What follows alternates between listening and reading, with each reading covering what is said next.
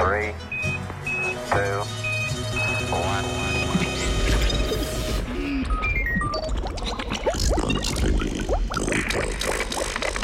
I'm a vampire.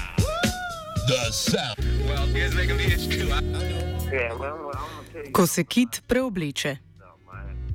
Fuck you, nigga. You, you lost a family house. Raziskovalna skupina iz Kanade in ZDA je ugotovila, da vrsta kitov, ki prebivajo v morju na območju Severnega pola, sezonsko zamenja epidermis ali zunanjo plast kože.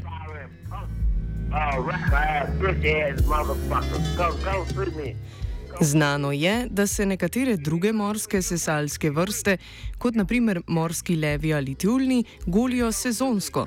Večina kitov pa vse čas počasi menja zunanjo plast kože ali epidermis in jo nadomešča z novo. A obstajata izjemi. To sta pripadnika družine belih kitov in sicer enorog ali narval ter beluga. Slednja se golita le poleti, obe vrsti pa živita v mrzlih arktičnih morjih.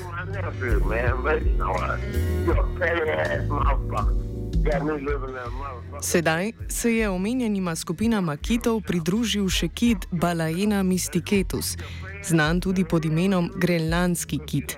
Znanstvenice in znanstveniki so podrobno sledili skupini kitov z željo, da bi ugotovili, kaj počnejo v toplejšem morju. Kite so spremljali dve poletji v fjordih na skrajnem severu Kanade. Prvo poletje so kite spremljali od blizu, pri tem pa so z zbiranjem zooplanktona želeli preveriti, ali se morda kiti hodijo v te vode prehranjevati. Drugo poletje pa so kite spremljali iz zraka s pomočjo kamer, nameščenih na vodeno letalo. How zbiranjem zooplanktona so ugotovili, da je v vodah, kjer so spremljali kite, biomasa zooplanktona zelo nizka. Kiti se v te vode torej niso prihajali hraniti. Zato pa so raziskovalke in raziskovalci na koži kitov opazili sledi golitev. Z opazovanjem kitov iz zraka so potrdili domnevo, da kiti pridejo v toplejše vode zamenjati zunanjo plast kože. Pri tem pa so opazili tudi, da se kiti drgnejo z bradami, glavami, hrbtom in stranmi telesa ob skale v morju.